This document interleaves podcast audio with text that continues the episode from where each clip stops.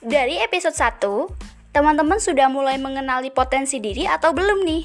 Pada episode kedua ini, kita akan melanjutkan pembahasan tentang self-improvement bersama Forum Karangsari Podcast.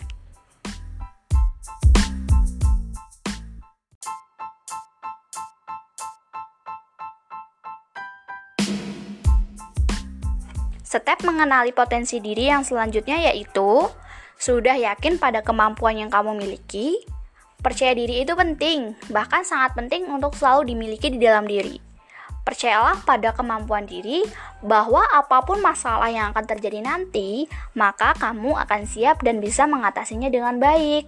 Jangan mengecilkan potensi diri dengan membunuh rasa percaya diri kamu sendiri, sebab hal ini akan sangat merugikan diri sendiri.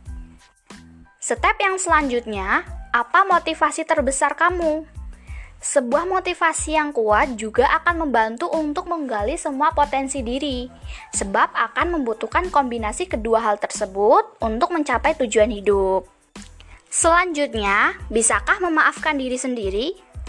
Penting untuk sesekali memaklumi diri sendiri, agar bisa memaafkan diri ketika kecewa atau marah atas sebuah hal yang terjadi di luar keinginan. Selanjutnya, mampukah menerima kekurangan dan mengatasinya? Tidak ada manusia yang sempurna kok. Pahami hal tersebut dengan baik agar bisa menerima kekurangan diri sendiri. Sadarilah kekurangan dan berusahalah dengan keras untuk memperbaiki dan mengatasinya. Dan step yang terakhir, berusahalah memahami diri sendiri secara utuh mulailah menggali dan memahami diri sendiri agar bisa menemukan dan mengembangkan potensi diri yang ada pada diri.